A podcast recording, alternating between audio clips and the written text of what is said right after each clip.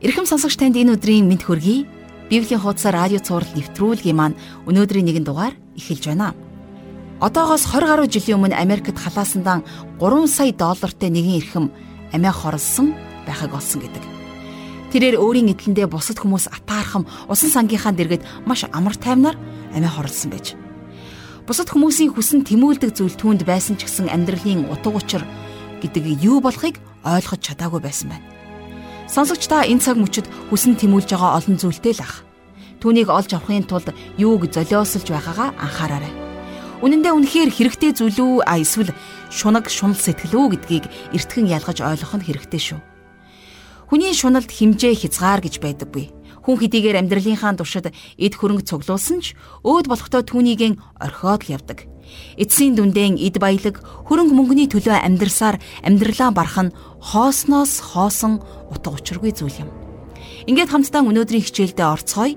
Бид өнөөдөр номлогчийн үгс номынхон 5 дугаар бүлгийн 7 дугаар ишлэлээс 6 дугаар бүлгийн эхний 12 дугаар ишлэлийг дуустал хамтдаа уншиж судлах болно.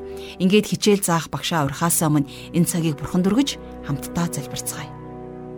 Бурхан Аава таньдаа талархаж байна Энэ өдөр бид таны үгийг хүсэмжлэн залбирч байна. Энэ амьдралд юун сайн, юун чухал болохыг та бидэнд өөрийнхөө үгээр дамжуулан ойлгуулж өгөөч. Эд хөрөнгө эрх мэдэл биш, харин эзэн Есүс Христ танд бидний амьдралын утга учир байгаа учраас их эзэн минь та үүнийгээ бидэнд илчлэн ойлгуулаач. Энэ цагийг бид таны моторт өргөж байна. Их эзэн минь таньдаа бүхий л зүйлээ өргөж эзэн Есүсийн нэрээр залбирanгуйлаа. Амен. Ингээд хамтдаа жаргал агшин хичээлд анхаарлаа хандуулцгаая.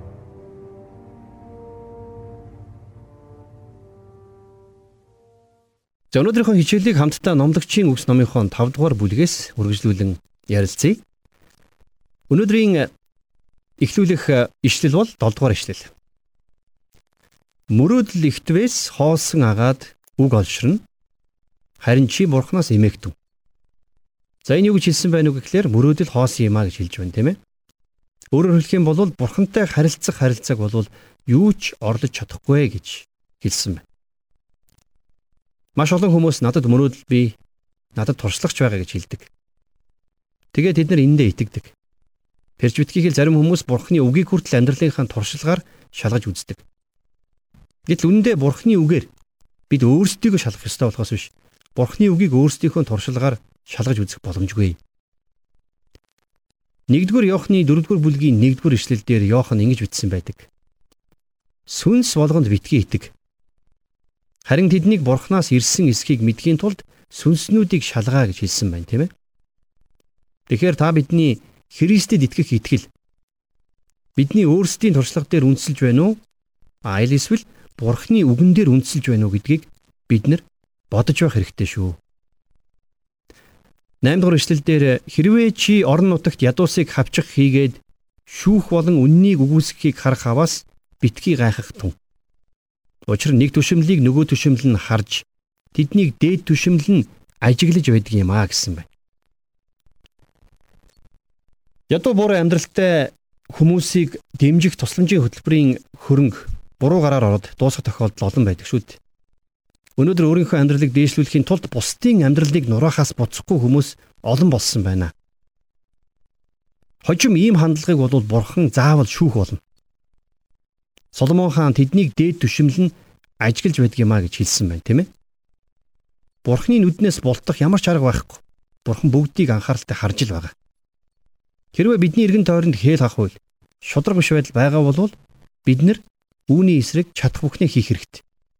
Бид нар шудраг бус байдалтай орооцолдохгүй байх хэрэгтэй. Яагад гэвэл бурхан ч гэсэн бас тэр зүйлийг харж л байгаа. Тэгээд бурхан хожим шийдэх болно. Тийм учраас бид нэр хeel хахуул шудраг бус байдлаас өөрсдөө хол байх хэрэгтэй.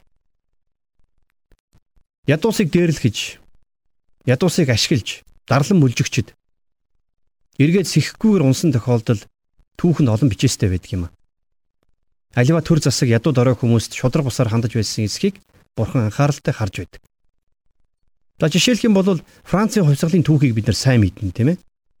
Дарлагдсан ардууд язгууртан ноёдуудад ямар харгас хатуу хандсныг ч бид нар мэднэ. Энэ бол ард иргэдийг шудраг усаар дарлан мүлжиж байсан тэрхүү хаад ноёдын дээр буулгасан бурхны шүүлт байсан байхаа гэж би боддог.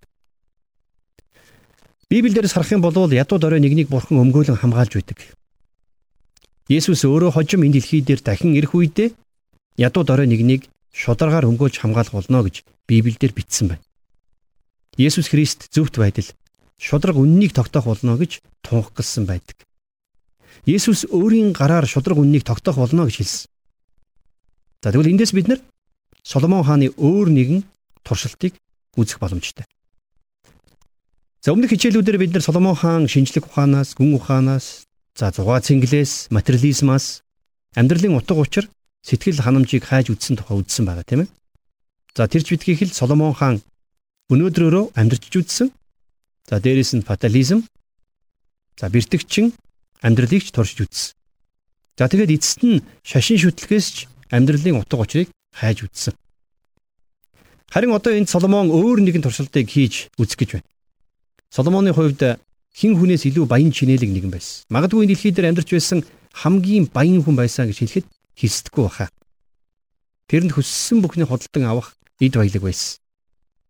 А гэхдээ эцэстээ Соломоны тэр их эд баялагаас болоод тэдний улс орон мөксөн. Тэдний хүрээлэн байсан улс гүрнүүд тэр их эд баялагт нь шунан дурлаж байсан. Эцэст нь тэд нар Израилийг эзэлж тэр бүх ид баялагийг нь тонсон. Энэ бол түүх шүү. Израильчууд мундагтаа биш харин бурхан Израильчуудыг хамгаалж байсан учраас тэд нар бусад улс гүрнүүдээс айх аюулгүй амьдарч байсан. Харин тэд нар бурхан эзнээсээ эргэх үед бурхан тэд нарыг хөрс сэргэлдэх улс орнуудынх нь мэдлэлд нь орхисон байдгийг. Хамтдаа 10 дугаар ишлэгийг одоо уншъя. Мөнгийг хайрлагч нь мөнгөнд үл ханах ба Илбэг дэлбэгийг эрхэмлэгч нь орлогодоо ис цадах. Энэ нь бас л хоосон. За үнэхээр хүний шуналд бол химжээ хязгаар байдгүй гэдэгт бүгдээрээ санал нийлэх баг. Эд баялаг нь ихсэг тусам улам илүү олохоор шунж байдаг. Тэгээ үүндээ эд баялаг гэдэг бол хизээж хүнд сэтгэл хангалуун байдлыг өгч байсангүй. Та бодоод үзээрэй. Эд баялагт өөрт нь буруу байгаа юм бишээ. Библийг харах юм бол Библиэлд хизээч эд баялагийг буруутгаж байгаагүй. Харин эд баялагын ардаас шунан хөөцөлдөх мөнгийг хайрлах тэр хайрыг л Библиэлд буруутгасан байдаг. Тэгэхээр мөнгө өөрөө биш. Харин мөнгийг хайрлах хайр нь бузар муугийн үндэс. Эд баялагийг хураах нь буруу биш л дээ. Эд хөрөнгийг хав дарж хадгалахын тулд хураана гэдэг бол буруу. Бас эд хөрөнгөө зөвхөн өөрийнхөө төлөө л ашиглана гэвэл Энийг Библи бас л сайшаадаг. Мөнгөнд хандаж байгаа хүний хандлагад хамаг учир байгаа биз? Мөнгө өөрөө ямар ч буруугүй. Харин мөнгийг хайрлаж байгаа тэр хайранд л хамаг буруу оршиж байгаа юм. Мөнгийг шүтэх тэрхүү хайр хүмүүсийг мөнгөний төлөө юу ч хийхээс буцахгүй нэгэн болгож хувиргадаг шүү дээ. За тэрж битгийх л хүмүүс бие биентэйгээ нэгдэхтэй ч мөнгөний төлөө нэгддэг тохиолдлууд бий. За нэг хошин шогийн жүжигчин тоглолтынхон дараа тоглолтыг хийхтэн тусалсан бүх хүмүүст баярлаж талархснаа илэрхийлээд эцэст нь бид нар бүгдээрээ хамтдаа нэгэн чухал зүйлийн улмаас энэ бүх гайхалтай зүйлийг хийлээ. Энэ бол шунал гэж хэлсэн гэдэг. Үнэхээр мөнгөн чунсан шунлын улмаас хүмүүс олон зүйл дээр хамтарч олон юмыг хамтдаа бүтээдэг. Хамт компани байгуулдаг. Хэрвээ тухайн мафч үүсдэг. Гэхдээ нэг хэсэг хүмүүс нь ядууранд ороодож байхад цөөн хідэн хүн хагартлаа баяжна гэдэг өөрөө шудраг биш зүйл шүү дээ. Баян хоосны ялгаа өнөөдөр улам бүр ихсээр байна. Бурхан мөнгийг хайрлах хайрыг буруутгадаг. Яагад гэвэл мөнгийг хүнээс илүү хайрлаж эхлэх үедээ бид нар мөнгөний төлөө хүнийг өрн таран хийхээс буцхаа болж эхэлдэг юм. Шунал буюу мөнгийг шүтэх шүтлэг нь өөрөө бүх бозар муугийн үндэс. Хүн өөрт байгаа эд хөрөнгөө Бурхны алдрын төлөө зориулж чаддаг бол хичнээн сайхан бай, тийм ээ? Хэрвээ мөнгийг хүмүүс жинхэнэ зорилгын дагуу хэрэгэлдэг бол ямар сайхан бэ? Хүний зүрхсэтгэлдэх шунлыг ганцхан Христэл эмчилж чадна гэдгийг та бид нар мартаж болохгүй. За 11 дугаар ишлэгийг одоо уншийе. Баялаг үсгийн хэрээр залгигсад олшрох бөгөөд тэдгэрийг хараад суух нь өмчлөгчийн ашиг нь юм юу гэсэн байна. Зүгээр л ямар ч зориггүй хэмжээ хязгааргүй өсөлт гэдэг өөрөө сайн зүйл биш байгааз. Бизнесийн салбарт ч тэр за сүм чуулган дотор ч гэсэн ялгаагүй. Энийг амьдралынхаа туршлагаар би олж мэдсэн. Заримдаа цуглаануудын зорилго зүгээр л өсөх, олон хүнтэй болох болж хувирдаг. Харин бурхны алдрын төлөө өснө гэдэг бол тис өөр зүйл шүү дээ. Та бид нар амьдралдаа бурхны алдрын төлөө өсөж хөгжнө гэсэн зорилгыг л тээх учиртай юм. Тэрнээс биш бусдаас илүү гарах гэсэн, бусдаас олон хүн цуглуулах гэсэн, бусдаас илүү нэр алдрыг хөвгсөн хандлага хэрхэвч байж болохгүй гэдгийг битгий мартаарай. 12 дугаар эшлэлдэр ихч багч эдсэн ажилчин хүний нойр таатай байдаг атал баян хүний цатгалан гиз өөрийн унтуулдаггүй ажээ гэсэн байна. Үнэн дээр хүнд хүчээр ажил хийдэг хүмүүс тэр болгон цаттлаа идээд байж чаддгүй. За нөгөөтэйгөр хангалттай эдсэн ч гэсэн хоолоо шингэтэл сайн ажиллаж чаддаг. Харин баян цатгалан хүмүүсийн хоол идэх дуршил нь янз бүр байдаг. Зарим нь хитрхи хийддэг бол зарим нь хоол идэх дур сонирхолгүй болчихсон байх ч үе бий. Нөгөө талаасаа эд хөрөнгөндөө санаа зовоод нойргүй хоногч үе олон байна. Тэгэхээр эд хөрөнгө ихсэх тусам санаа зовнил дагаад ихсдэг. Ажилчин хүн сэтгэл амарч чаддаг байхад баян захирал нь нойргүй хонж байх жишээтэй. 13 дугаар эшлэл. Наран доор би нэгэн гунгийг харлаа. Хураасан баялаг нь эзэндээ гайвчирдаг. За дахиад хэд баялагын тухай ярьж байна. Эд баялаг гэдэг заримдаа эзэндээ гай зовлон авчрах тохиолдол бий. За заримдаа ядуу хоосон хүн баян чинэлэг хүнээс хайвгүй аз жаргалтай амьдрах нь ч бий. А гэхдээ Илч Паул Филиппо номон дээр баянч ядууч аль алинд нь сэтгэл хангалуун байж сурсан гэж хэлсэн байдаг. Итгэж бид нар ч гэсэн бас л яг энэ зарчмаар энэ ухаанд суралцах нь чухлаа гэж би бодож байна. Юу гэхээр ямар ч үед бид нар сэтгэл хангалуун байж сурах хэрэгтэй.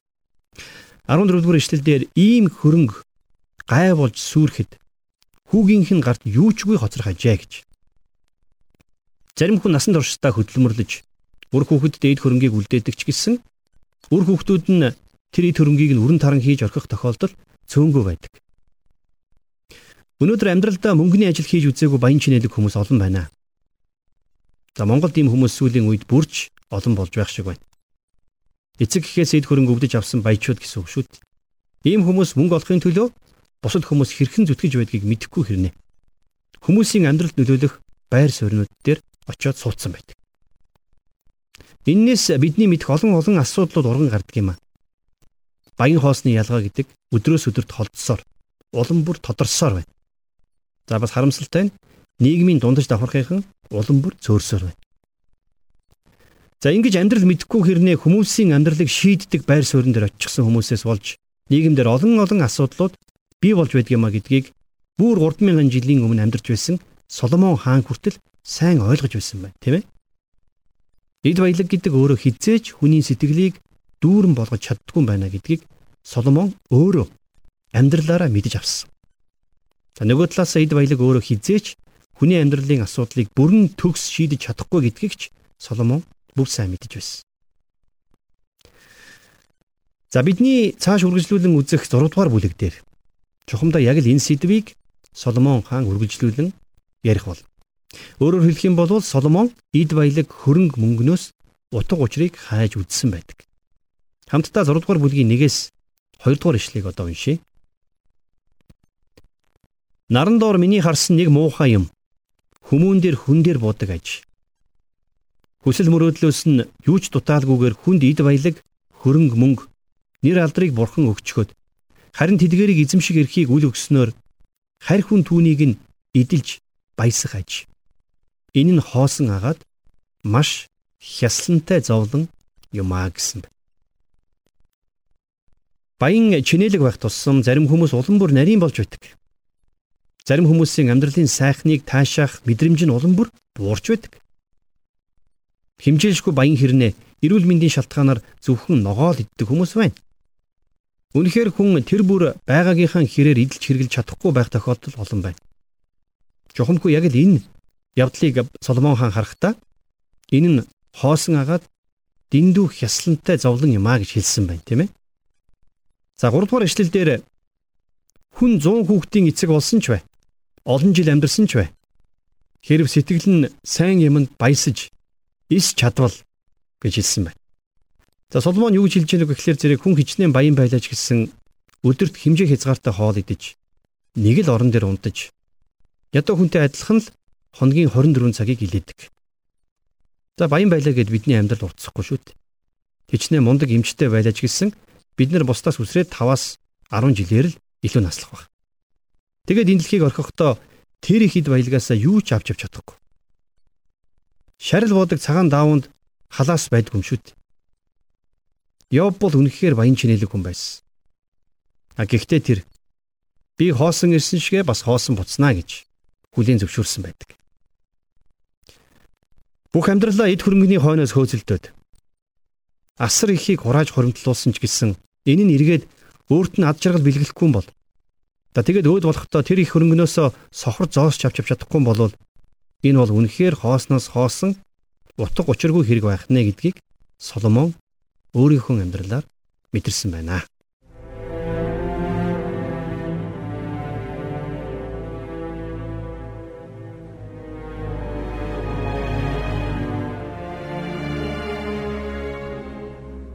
Тэгэхээр өнөөдрийн хичээлийг сурах болсондоо бурханд үнэхээр талархаж байна.